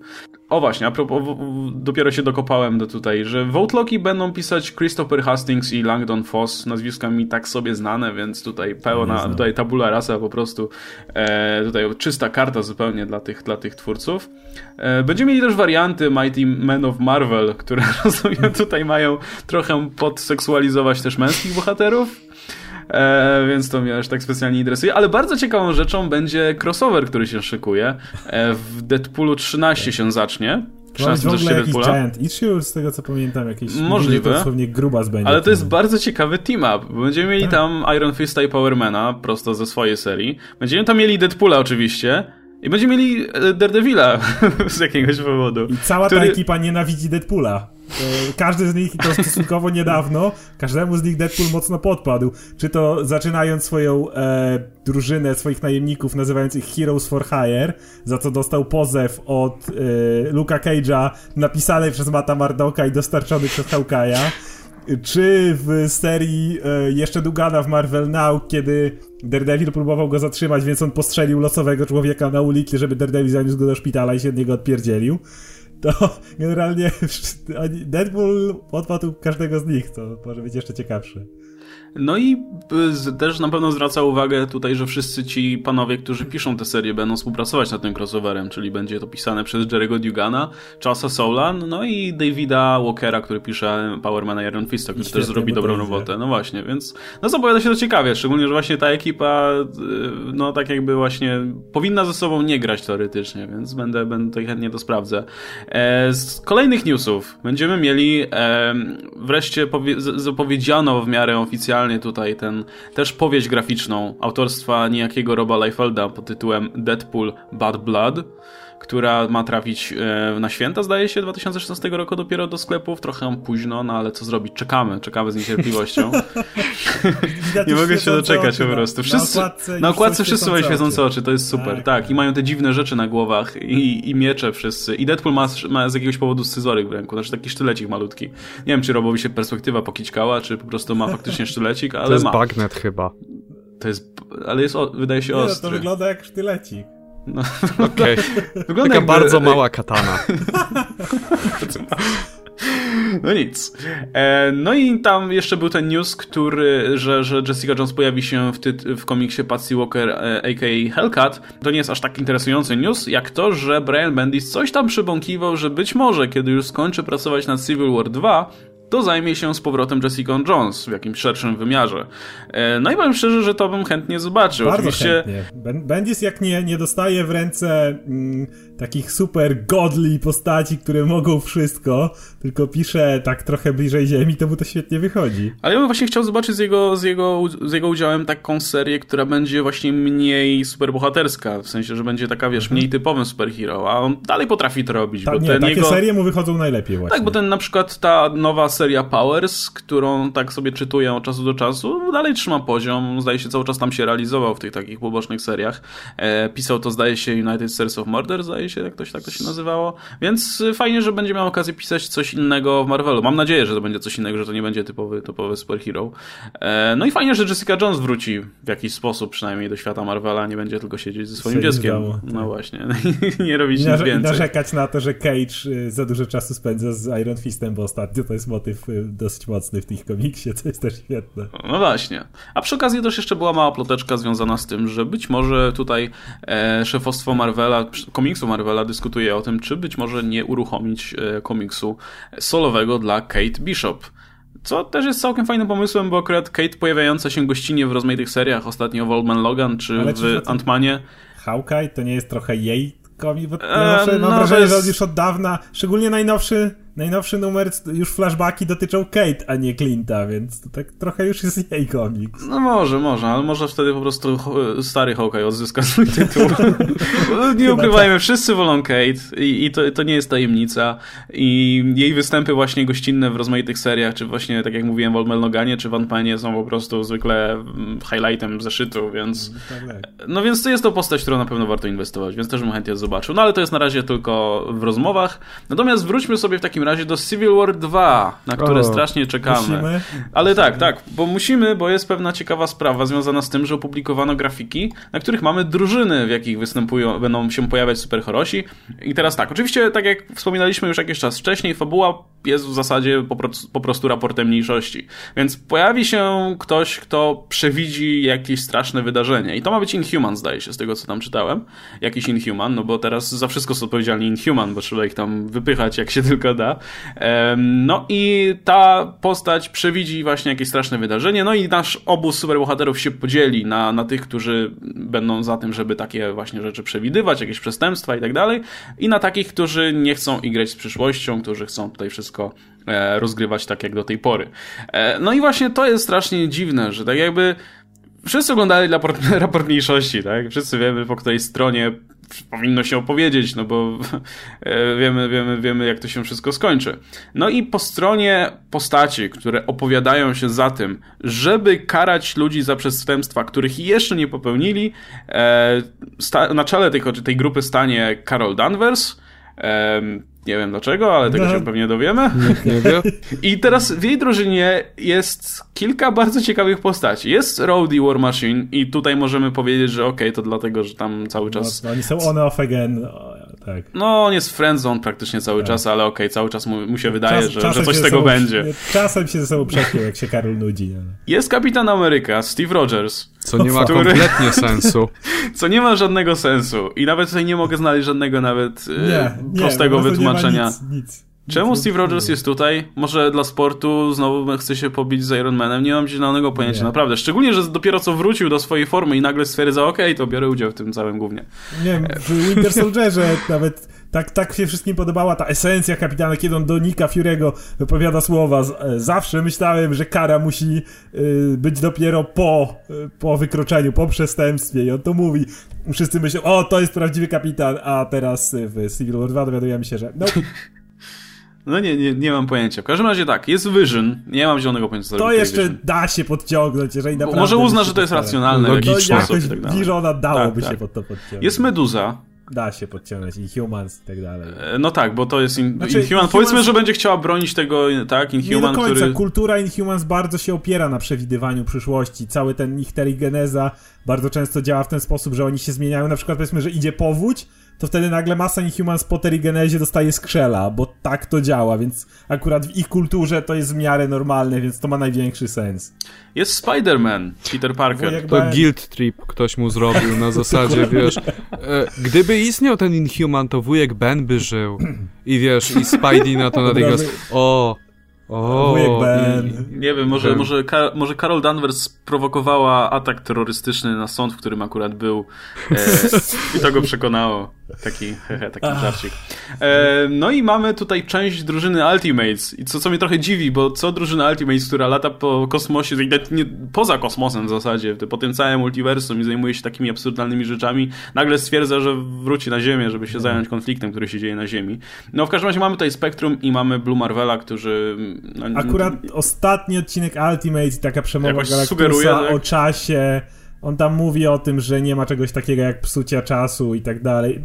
Może oni to kupili, ale to też takie trochę lekko naciągane. Jest Winter Soldier. No bo jest kapitan Steve. Jest, jest Steve, no. Więc wiesz, No, więc okej, Steve dobra, go przyciągnął. Na zasadzie, Jest She-Hulk. I, i, i, To jest i tak okej, absurdalne. znaczy tak, ja, ja jeszcze zrozumiałem wytłumaczenie, że no, ona jest przyjaciółką Karol, więc chce stać z nią, ale no z drugiej strony trochę się pozbawia pracy, prawda? No. Ale w ogóle... Wiesz, jako prawnik, to wydaje mi się, że, że to powinno jej zależeć, żeby miała jednak co, Tak, prawnik, co, coś który zrobić. jednak uważa, że prawo to jednak może nie, może lepiej wsadzać ludzi, bo jakiś human tak twierdzi. Ale w ogóle to jest jeszcze śmieszne, szybko powiem, w drugiej drużynie jest Daredevil, który też jest prawnikiem, więc po prostu patrząc na ten plakat od razu wiemy, kto poważniej do swojej pracy podchodzi. No tak. No i dwie osoby, które nie mam zielonego pojęcia, co tutaj robią. Jest Hawkeye i jest Ant-Man. Hawkeye I- wiem czemu tu jest, to była jedyna drużyna, która go chciała. Brali każdego. No dobra, ale Ant-Man, no serio, to tak jakby, co go to obchodzi? Naprawdę, siedzi w tym swoim Miami, ma tą swoją gównianą firmę, która nie działa, ma tych swoich gównianych pomocników, którzy go zdradzają, ma, ma ten problem z córką i tak dalej. I co, on nagle stwierdza, że okej, to jadę tam, wiesz, do Nowego Jorku zająć się tym To problemem. jest tak głupie. To jest kompletnie On nie bez ma sensu. absolutnie żadnego powodu, żeby to I mamy jeszcze drugą drużynę z Ironmana na pierwszym planie i tutaj tak jakby możemy uzasadnić każdą postać w tej drużynie Bo- bo to poza ma sens. wyjątkami, bo, bo tak jakby no widzieli raport mniejszości prawdopodobnie. Ale Więc jednak, co tu W każdym razie tutaj nie będziemy, tutaj nie będziemy może przechodzić przez wszystkie osoby, ja tylko wymienię, że jest tutaj Daredevil, jest, jest America Chavez, em, jest e, Black Panther, jest Którego Thor, dorysowali na ostatnią chwilę. tak, który tam stoi za Iron Manem, gdzieś nie widać go, bo chyba się rysownik zorientował, że ma jeszcze jedną postać do dorysowania. Jest Sam Wilson, e, Kapitan Ameryka, jest Herkules z jakiegoś powodu, zainteresowało go to nagle. Można. Mi się wydaje, że po prostu chcą wypchnąć jego tytuł trochę, Tak. żeby tam się lepiej sprzedawał. To- to jest, Black, okej. jest Black Widow, jest Deadpool, który mnie trochę dziwi, bo wydawałoby mi się, że będzie w drużynie z Bendis nie Kapitanem. przeczytał ranu Uncanny Avengers No i Dugana i zapomniał, że Deadpool to w ogień by za Steve'em wskoczył, ale nie przeczytał. Może, może jest szpiegiem po prostu. Albo coś w tym O. stylu. No jest jeszcze, jest jeszcze Hulk Amadeusa Cho. No i jest postać, która mnie najbardziej dziwi, czyli Star-Lord. I nie wiem, źle gdzie zrobi Star-Lord tutaj. Poza tym, że jest popularną postacią. Ale co, czemu miałby wracać z kosmosu, żeby zająć się tutaj Star-Lord. problemem przewidywania przyszłości? Nie mam zielonego pojęcia. Star-Lord od czasów, kiedy był w NASA lub teraz ten lekki retcon, jak był dzieciakiem, anyway, nie był nigdy na Ziemi. Nie przy... Jedyne, co zdarzało mu się, to robił, że tak powiem, flyby. Przylatywał, kogoś tam odbierali i lecieli z powrotem, albo zbierali jakąś przesyłkę, wysadzali kogoś. Generalnie nigdy nie miał żadnego udziału w niczym, co działo się na Ziemi. Nigdy nie odwiedził tej planety na dłużej niż parę godzin, żeby tylko coś tam, wiecie, odwalić i polecieć dalej. I nagle stwierdza, nudzi mi się w tym kosmosie, kurwa, polecę sobie na tą ziemię, może tam, może tam ciekawiej będzie. To jest, to jest tak absurdalne. Ze wszystkich postaci on nie ma tak żadnego sensu. Nigdy go nie obchodziło nic, co się działo na Ziemi. Nigdy po prostu. On wszystko, mówię, trzymał się od niej z daleka, ale nie, tym razem, okej. Okay. Nie wiem, Kitty go wyrzuci z drużyny, nie wiem. Nie wiem, właśnie większość drużyn, myślę, że znaczy większość tych osób, które tutaj widać na tych grafikach, oczywiście podlinkuję te grafiki, jakbyście chcieli rzucić okiem. E, wydaje się, że po prostu chce się, Baro chce po prostu podbustować ich tytuły, no, no to Czyli innego wytłumaczenia. O kolorach. Ja miałem teorię o kolorach, że Bendis patrzył i kolorami starał się ich trochę rozmieścić. Ja no myślę, tak, że oni są mocami ustawieni, tak żeby obie grupy były w miarę zrównoważone, jeśli chodzi o poziom mocy w każdej z nich, żeby po prostu jedna strona nie zmiażdżyła łatwo drugiej. U Ironmana dominuje czerwień i czerniał, a tam dominuje niebieski. Nie, no, mówię, no powiedzmy są postacie z Ultimates, to, to, można wytłumaczyć tym, że tytuł się nam nie sprzedaje jakoś maksymalnie rewelacyjnie, że będą chcieli ich tam trochę wypromować. E, no jest Sam Wilson i tak dalej, ale no to i tak jest strasznie naciągane. No to, to jakby z każdą informacją coraz mniej mnie konflikt interesuje, naprawdę. W sensie coraz mniej jestem w stanie uwierzyć, że to, że, że faktycznie kryje się za tym jakiś pomysł, nie wiem. Jest jeszcze oczywiście szansa, że Bendis tutaj jakoś to tak napisze, że po prostu mnie tutaj zbije z nóg tym, jak ten konflikt został sportretowany, ale nie sądzę, szczerze mówiąc. Dobra, także tyle jeśli chodzi o to Civil War 2. I możemy sobie przejść do najnowszych tytułów. I tytułem myślę, że najważniejszym w tym tygodniu, takim numer jeden, był 50. zeszyt Batmana, gdzie... Jubileuszowy. Tak, jubileuszowy. Poza tym dostaliśmy wreszcie powrót Batmana, tutaj pełną gemą. W poprzednim mieliśmy Bruce'a, który tutaj się e, dopiero przywraca do stanu używalności, a tutaj już mamy powrót Batmana dodatek w nowym, w nowym kostiumie. Jak wam się podoba nowy kostium Batmana? Zaczniemy od tej najbardziej tutaj powierzchownej rzeczy. Wygląda dokładnie tak samo jak poprzedni, tylko że logo ma pomarańczową obwódkę. Niepotrzebną zupełnie. I no jest, jest trochę okay. wydaje mi się, że trochę, Gdyby trochę odjęli te, te pomarańczowe elementy, to by mi by pasował, ale one wydają mi się niepotrzebne. Ani on, I one są jeszcze w pasku. Wyglądał dokładnie tak samo. Ale czy widzicie w ogóle jakąś, nie wiem, w sensie cel tej zmiany? W sensie, żeby coś podkreślić, czy, czy coś w że tym stylu? Że jest happy, że lubi kolorki teraz, jest bardziej szczęśliwym Batmanem? No, że to jest będzie... nowy Batman, tyle. All New Batman. Bo tym bardziej, że, że, że jak wiemy, niebawem się Zack Snyder i Y Capullo pożegnają z tym tytułem. Wydaje mi się, to, to wygląda jakby. No oni to wygląda jakby tak. Macie tutaj nowy strój, macie nowy status quo z Batmanem, który jest trochę bardziej rozgadany i trochę weselszy i trochę w lepszej formie fizycznej. No i teraz kombinujcie, a my spadamy. No, praktycznie. Ten strój akurat nie zrobił na mnie żadnego wrażenia, jak mówiłem. Nawet w pierwszej chwili nie zorientowałem się, że jest. Gdzieś dopiero pod koniec zeszytu zorientowałem się, czy on ma pomarańczową obwódkę tam? Faktycznie ma. No i ten, ten pas jest taki dziwny, strasznie. bardzo się rzuca w oczy.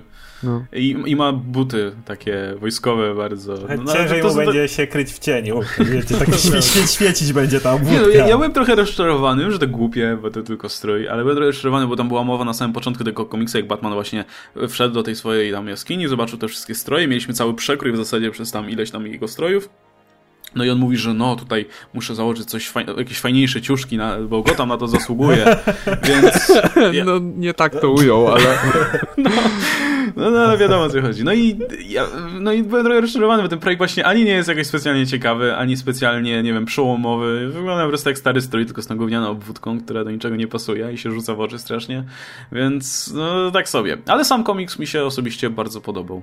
Mi też. Ja uważam, że to całkiem fajny powrót Myślę, że to całkiem fajne, całkiem dobre związanie całej tej historii do tej pory, która była z Gordonem. Podobało mi się, że Gordon miał jakąś rolę w tym komiksie, myślałem, tak, że... Tak, bo wydawało się w którymś momencie, no. że jak Batman wróci, to Gordon będzie już pójdzie w odstawkę, wywiozą go tam do szpitala i będzie dochodził do siebie być może, ale nie, faktycznie rozpisali mu jeszcze ważną rolę i, i tak jakby miał tutaj do odegrania no. coś i, i, i, nie był bezużyteczny. To też mi się bardzo podobało. Podobały mi się teksty też Batmana, jak teksty Batman Batmana był były rewelacyjne właśnie, w tym komiksie. Yy, jak ten moment, kiedy zaczął bat sygnałem naparzać przeciwników, to było świetne. E, podobał mi się też bardzo epilog, gdzie właśnie podrzucił swojego dinozaura do domu dziecko, do domu dziecka. E, nie podobał mi się Bloom i całe to wyjawienie, skąd pochodzi Bloom i tak dalej, jaka jest jego geneza. Wydawało Ja mi nie wiem o co chodziło z tą gwiazdą, która nagle się Też nie pojawiła. wiem, nie mam tak pojęcia. Ona, to było takie. Okej, wrócił Batman, Batman może pokonać Bluma, to szybko dodajmy mu jakąś maszynę ostatecznej zagłady, która zniszczy wszystko, którą muszą powstrzymać razem z Gordonem. Takie wrażenie odniosłem, że ona tak na szybko została dopisana, ta jakaś mega gwiazda. Znaczy w ogóle nie wyjaśnili dla mnie, moim zdaniem, zbyt wystarczająco samego Bluma, jak właściwie to działa. Bo ja rozumiem, że to są te nasiona, które dają jakieś genetyczne moce, ale nie, nie dostaliśmy żadnego satysfakcjonującego wyjaśnienia, co właściwie te nasiona robią i jaka jest ich relacja z tym słońcem, czy co to było. No mi się też niespecjalnie podobał ten motyw, gdzie mieszkańcy Gotham, potem jak wrócił Batman, nagle zaczęli sobie wyciągać te nasiona i to było wyjaśnione w ten sposób, że po prostu wrócił Batman, więc się I- poczuli bezpiecznie. Tak, i wierzą w miasto w tej chwili. I, wie, Tak, i wszyscy takie- siłą przyjaźni No tak, uratowali znaczy ja rozumiem, że to było bardzo takie symboliczne, no i to trudno odbierać dosłownie, ale z drugiej strony trochę było rozczarowujące, szczególnie patrząc na to, jak Snyder rozwiązywał poprzednie konflikty, takie właśnie e, i te wszystkie właśnie kataklizmy, które, które na, przychodziły do, do Gotham. Ja mam pytanie do Adama, bo śledziłem tylko serię Batman, a nie śledziłem We Are Robins. Jak ci się poda mo- motyw, że no, na 99% Duke Thomas będzie nowym Robinem? Znaczy ja już to mówiłem jakiś czas temu, że Duke Thomas pewnie skończy jako Robin. Teraz Ja już jestem- to zostało niejako potwierdzone. No, ja, już, ja jestem na to gotowy. My body is ready. Czekam po prostu na to. Myślę, że będzie całkiem fajnym Robinem. Będzie trochę Jest- inny jest niż bystry pozostali. Jest i- właśnie bystry. Myślę, że mógłby być kimś w stylu wczesnego Tima Drake'a. Drake'a. No i to, to Za, jest mój... zanim, zanim przyszedł kryzys Tak, tożsamości. i kompletnie zrujnował postać. Co się teraz dzieje z Timem Drake'iem, bo tak... E, No i jest w Batman and Robin Eternal i, ga, i różne te gazy tej Mother go podtruwają i chce zabijać ludzi. No jest Teen Titans, zdaje się, tak? Super. Jest też Teen Titans, tak. Mój ulubiony Robin, poza Damianem, ale... No, obecny Team Drake to już jest zrujnowany, bo najpierw go zrujnował kryzys tożsamości, a później New 52 dobiło wszystko, co było w nim dobre. Więc to już jest kompletnie inna postać. To co w takim razie z Damianem będzie? E, Damian pewnie będzie solowym bohaterem, pewnie będzie dalej latać na tych swoich mitycznych stworzeniach tej swojej solowej serii, bo tam ma pięć arków jakichś. No tak, tak. Ja, ja ta- czytałem kawałek tej serii, nie No. jestem na bieżąco, co prawda, trochę tam tego czytałem, ale z drugiej strony myślałem, że jak Batman wróci do miasta, to się Damian o tym dowie i, i, i też wróci. I, Prędzej i, czy później pewnie odwiedzi To tatę, znaczy, ale... ja i myślę, dowie, że o nie, jest nowy Robin. Ja myślę, że. Duke Thomas jest tymczasowym, e, tymczasowym Robinem będzie, jeśli już, tak naprawdę, dlatego że no mi by było szkoda tej jego solowej serii We Are Robin, znaczy nie jest solowa, ale tej serii mi szkoda. A chciałbym więcej tej jako grupy właśnie, takiej oddolnej Robinów, ulicznych. E, myślę, że Damian po prostu po jakimś czasie albo przyjmie nową tożsamość, bo dorośnie, bo jak nie, wie, nie masz co, nie wiesz co zrobić z Robinem, to pozwalasz mu dorosnąć i dajesz mu jakąś nową tożsamość. Będzie, nazwie się jakoś, nie wiem, nie wiem jak, ale jakoś się nazwie śmiesznie. E, no na razie ma tą swoją historię, Diane. Nie sądzę, żeby je, nie sądzę, żeby jej, ją przerywali na razie. Może przy Rebirth. Może przy Rebirth, no fakt. Prawdopodobnie właśnie. e, jak, jak myślisz, co, co nowego będzie mógł zrobić nowy scenarzysta Batmana, którego jeszcze nie znamy, z tą postacią? W którym kierunku chciałbyś, żeby poszedł? To znaczy chciałbym, żeby poszedł bardziej, i to jest trochę kontrowersyjna opinia, ale chciałbym, żeby poszedł bardziej kiczowatą stronę, żeby, bo mieliśmy teraz bardzo takiego mrocznego Batmana przez kilka lat. Horrorowego w zasadzie. Bardzo. No i chciałbym zobaczyć takiego bardziej z powrotem kiczowatego Batmana, takiego trochę jak był u Morrisona, gdzie wiesz, ba- Wtedy, wtedy No, no, no. zdecydowanie fajnie byłoby, gdyby Damian wrócił, bo relacje mieliśmy już Bruce'a Wayne'a jako tego ojca Damiana, e, tego takiego poważnego i mrocznego Batmana, a z tego co wiem, bo nie czytałem przed New 52, Damian był trochę inną postacią mhm. i ta relacja wygląda zupełnie inaczej. Bym chciał zobaczyć tę relację tego takiego trochę luźniejszego Bru- Bruce'a, tego mniej poobijanego właśnie z, z Damianem teraz. To też bym chciał zobaczyć. Tak, też bym chętnie zobaczył, to też by było fajnie, no ale Duke Thomas musi mieć swoją, swoją jak gdyby kolej. Zasłużył. No. Pe pewnie sądzę, żeby to było zbyt długo i jeśli to cię pocieszy, dlatego że równocześnie teraz planują to Rebirth, który ma wracać do starego status quo, wracać do najbardziej takich ikonicznych wersji postaci. Być może będziemy mieć Grayson? Być może będziemy znowu. mieć e, team up z Nightwingiem dłuższy. E, I to by było całkiem fajne. E, Ale team up kogo? Batmana z Nightwingiem, bo Nightwing wróci. Aha. Myślałem, to, że, no. myślałem, że Damian wróci, będzie miał Timo z Nightwingem. To bym, to bym czytał. To też by było to ciekawe. Jak, jak, jak, jak, wiesz, no właśnie to było, ja to uwielbiałem, więc chętnie zobaczę tego więcej. No dobra, także, także tyle jeśli chodzi o tego Batmana. E, jeszcze jeden zaszczyt, zdaje się, zaszczyt został, tak? Dla, dla Snydera. Ten 51, żeby się pożegnać tak. z tą postacią. No a potem zobaczymy, kto, to, kto ten tytuł przejmie. E, no i przejdźmy sobie do drugiego tytułu, który musimy omówić w tym, w tym e, odcinku, czyli Hyperion pierwszy zeszyt. I muszę powiedzieć, że cholernie mi się podobał ten zeszyt. Strasznie ja w ogóle uwielbiam Hyperiona. To, ja to jest, to ja wiem, że to jest dziwne dla wielu, że, że w ogóle można lubić Hyperiona, który jest wiadomo po prostu klonem Supermana. Z pieluchą. Ale ja właśnie to z nim bardzo lubię, bo to jest taki, to jest taki Superman w stanie czystym, że możesz po prostu, masz postać, którą trochę znasz, bo znasz Supermana i możesz z nią zrobić, znaczy scenarzysta może z nią zrobić w zasadzie wszystko, może z nią pójść w dowolnym kierunku. No i podoba mi się ten kierunek, który tutaj obrał, obrał scenarzysta, bo dużo bardziej podoba mi się niż, na niż w tym Składron Supreme, bo ja Hyperiona bardzo polubiłem właśnie w ranie Hickmana, gdzie był właśnie takim Supermanem, tylko bardziej. Tam jest e, komiks 34.1 tak, Avengers 34.1 który koniecznie przeczytajcie przed, przed tym, bo on to jest taka, ten komiks to jest taka esencja Hyperiona. Jak go przeczytacie, to właściwie będziecie dokładnie wiedzieli, kim jest Hyperion, jaką on jest wariacją na temat Supermana i dopiero wtedy polecam czytać tę serię, która dzisiaj zadebiutowała wczoraj. Myślę, że warto, bo to jest seria, która właśnie bierze, wiesz co, bierze ten motyw. Pamiętasz ten motyw, gdzie Superman sobie chodził po ziemi na no, spacerem, nie? Superman Grounded. To, żeby być tutaj bliżej ludzi, więc Hyperion stwierdził, że ktoś mu powiedział w barze, że w sumie jak chce poznać e, ludzi i w ogóle USA, to najlepiej jakby się wybrał tutaj ciężarówką po, po, po USA. No więc on to robi, jeździ sobie tą ciężarówką, e, natomiast bardzo szybko dołącza do niego tajemnicza postać, która, znaczy taka młoda dziewczyna, która potrzebuje jego pomocy i ona wie, że to jest Hyperion. On się przedstawia oczywiście jako Markus. Znaczy tak, nie, nie do końca wie, ale raczej... Znaczy ona na początku wie, jest przekonana, że to jest a Hyperion. Po, potem, potem się okazuje, tam... że hmm, chyba to, to, chyba nie jest Hyperion. A tak. potem się okazuje, że tak jest Hyperion. W każdym razie to się nagle zamienia w ogóle w Mad Maxa. I to mówię to serio. Po prostu okazuje się, że za tą dziewczyną e, podąża cała jakaś ekipa, która zajmuje się, która jest, e, pracuje w Wesołym Miasteczku, tak? Zdaje się, czy w cyrku, tak, czy tak, czymś. Tak, coś takiego. Wesołym Miasteczku, takim wiesz, wielkim Luna Parku. I oni ruszają za nią, ruszają na takich, wiesz, samochodach, ruszają z jakimiś w ogóle akrobatami, e, z jakimiś w ogóle gościami na, wiesz, na tych, na... Mm, e, kurde, jak się nazywają te wielkie samochody z oponami? Monster Trucki. No, na Monster Trucku w ogóle I, i wiesz, i masz taki pościg po prostu za ciężarówką, takiej grupy kompletnie powykręcanych, dziwacznych postaci, jak w Mad Maxie po prostu.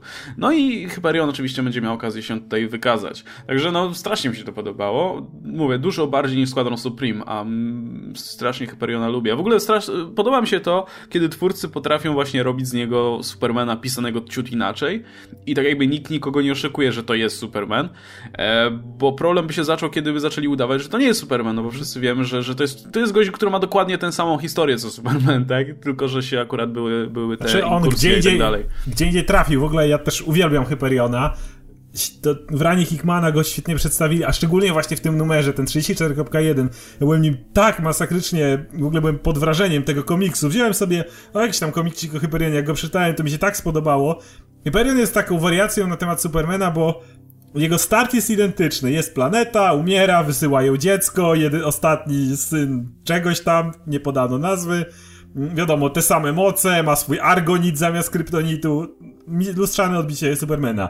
Z tym, że różnica polega na tym, że on trafił na Ziemię, która miała taki idealny socjalizm, można powiedzieć. Co, coś takiego. Takie właśnie idealne, utopijne społeczeństwo. Jego ojciec go tam.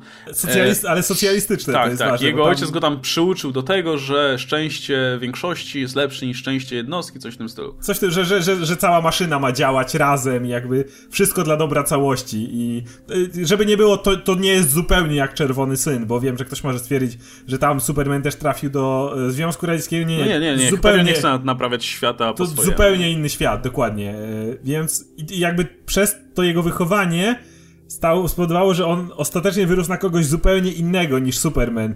W sensie to jest pokazane, że Superman przy odpowiednich warunkach też mógłby być kimś takim. I to mi się bardzo podoba, że on czuje się nieswojo na tej ziemi, no bo to był in, inny wymiar, inna ziemia. I tutaj on nie do końca wie, jak rozmawiać z tymi ludźmi. Właśnie w tym 34.1 myślałem o tym, że on wchodzi nawet nie jak... chce pomóc z policji w jakimś śledztwie, ale nawet nie bardzo wie, jak się do nich zwracać, nie bardzo wie, y, jak powinien zachowywać się bohater.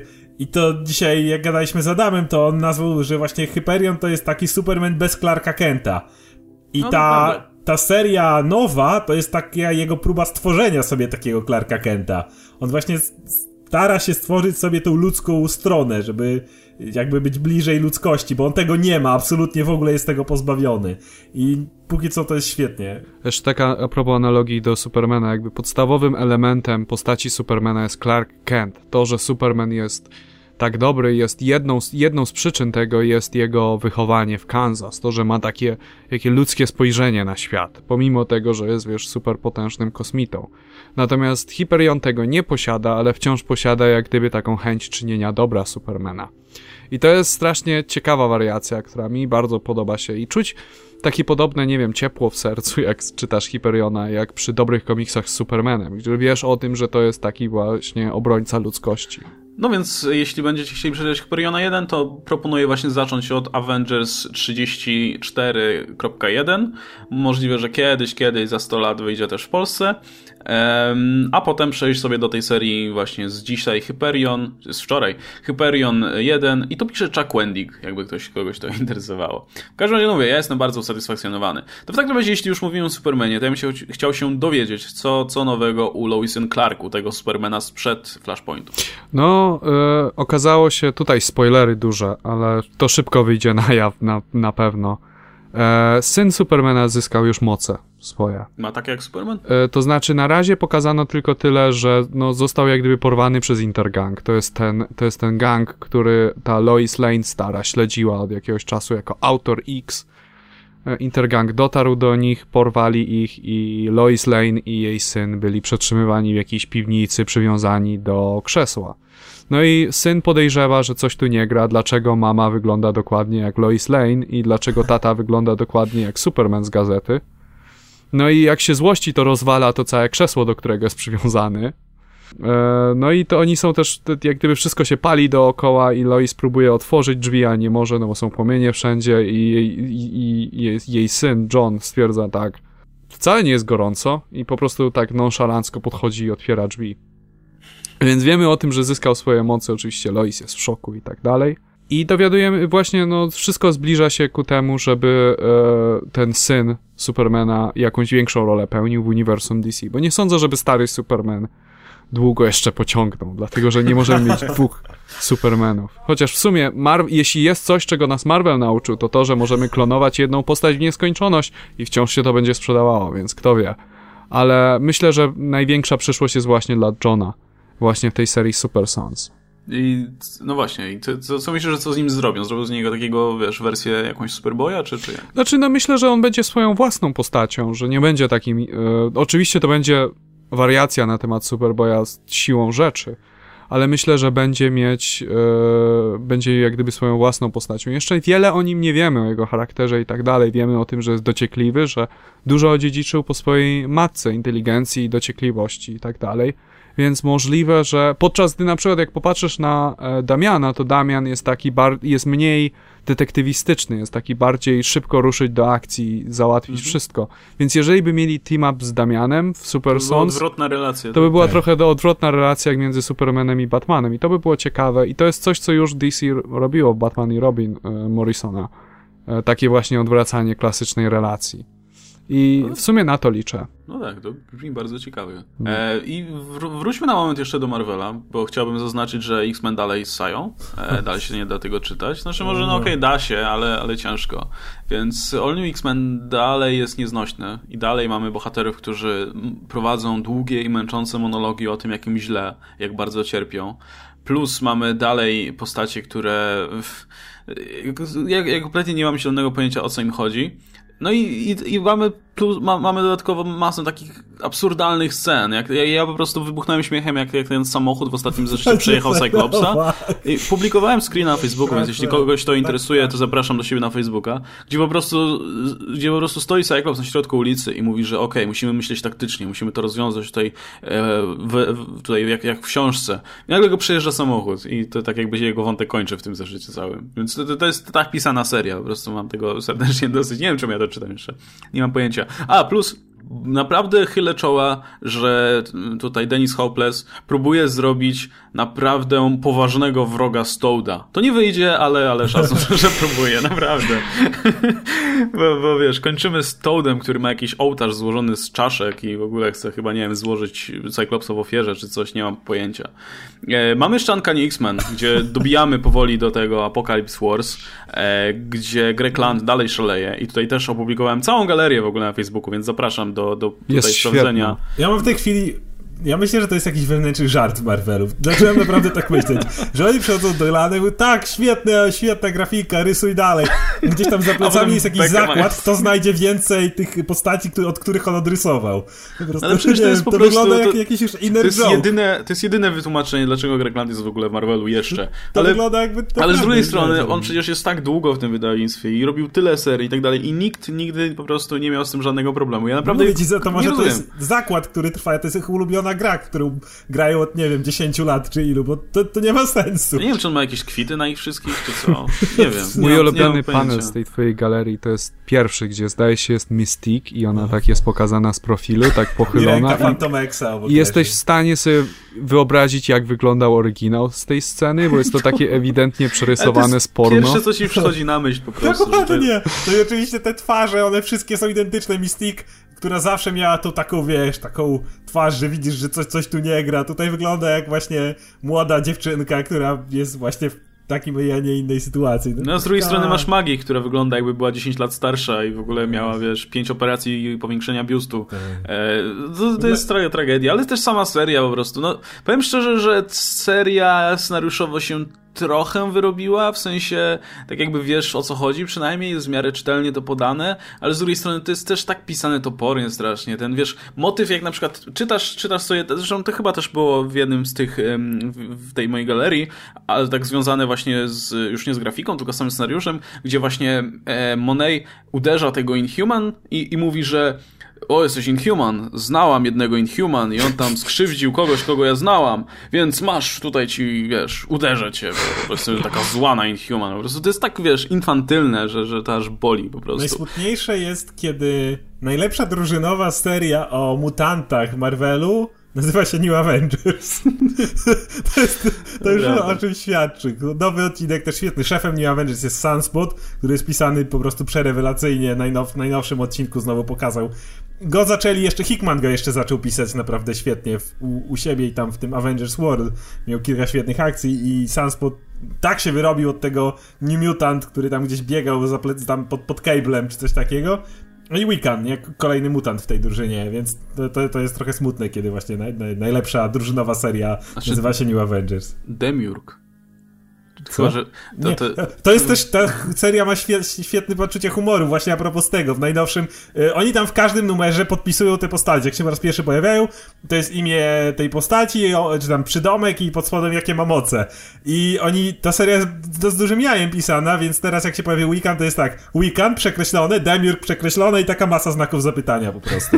I tyle, tak tak, jest czemu, czy, bo, bo ja, ja jestem ciągle na etapie, gdzie, gdzie wytłumaczono mu wreszcie, że nazywanie się Wiccan jest trochę dziwne, Tak, bo to jest tak, tak. jakby religia e, i, i że lepsze by było Demiurg. I czemu mu Demiurg nie podpasowało? Znaczy, nie tyle, że nie podpasowało, to on jasno tego nie określił, dlatego po prostu dali te znaki zapytania i tyle. Okej. No, młody jest, Nie, ale seria jest, jest pisana z jajem, sam fakt, że w tej drużynie jest Squirrel Girl, ale, ale Sunspot właśnie jest jednym z ciekawszych mutantów, znowu trochę smutne dla pozostałych, więc no... Znaczy tak, ja też taka uważam, rzecz. że nawet Uncanny Avengers przy całym, wiesz... No właśnie, też kolejna seria, To też mutanci. mimo, że nie jest to jakaś tam mega rewelacyjna seria i tak jest lepsza. Cable'a że i Rogue w składzie, więc Tak, też jest tak. lepszą serią z mutantami. No, no, no nic, dobra. No to czy, A czy, jakby- czyli, czyli dwie, dwie, właśnie powiedzieliśmy, że dwie najlepsze drużynowe nazywają się Avengers o X-Men. To jest tak smutne, no ale okej, dobra, będziemy, będziemy monitorować dalej, o co tutaj chodzi. No i na tym myślę, że możemy zakończyć ten nasz ostatni e, odcinek Comics Weekly. Było miło, jakby nie patrzeć. Zleciało bardzo szybko, bo zaczynaliśmy zdaje się gdzieś w listopadzie, no i już mamy prawie kwiecień, więc no pięk, piękny czas na pewno. E, no no ale nic, no trudno, wszystko się kończy, tak? Wszystko umiera, jak to, jak to Hickman zresztą tutaj zapodał. E, no dobra, w takim razie myślę, że to dobry moment, żeby się w takim razie ładnie pożegnać z naszymi czytelnikami i, i czy tam widzami. E, ja dziękuję za te wszystkie 16 odcinków. Było mi bardzo, bardzo miło. Dziękuję Wam, chłopaki, za udział. E, z mojej strony to w takim razie wszystko. Ze mną, jak zawsze, był Adam Antolski, pseudonim Ankon Mruwa. Ja też chciałbym podziękować wszystkim. To było fantastyczna zabawa. Świetnie było słyszeć Wasz feedback na temat wszystkich odcinków, jakieś polecenia, czy o czym porozmawiać, czy, e, czy też rozmawiać z Wami. To było fantastyczne po prostu jedne, jeden z fajniejszych projektów, nad którym pracowałem. I Oskar Rogowski, który udziela się w sieci pod pseudonimem Komiksomaniek 616. Podpisuję się pod powyższym i muszę powiedzieć, że też bardzo podobał mi się nie, nie tylko wasz feedback, ale w ogóle wasze jakby uznanie, jak, jak co odcinek pisali, niektórzy z was pisali nawet, że nie interesują się komiksami, a i tak lubią nas słuchać, to było naprawdę super, także wielkie dzięki. Także dziękujemy jeszcze raz, że byliście z nami. Trzymajcie się. Do zobaczenia na naszych kanałach i na Facebookach i na Twitterach i tak dalej. Śledźcie nas dalej. Dalej będziemy pisać o komiksach. No to co? Na razie. Hej. Cześć.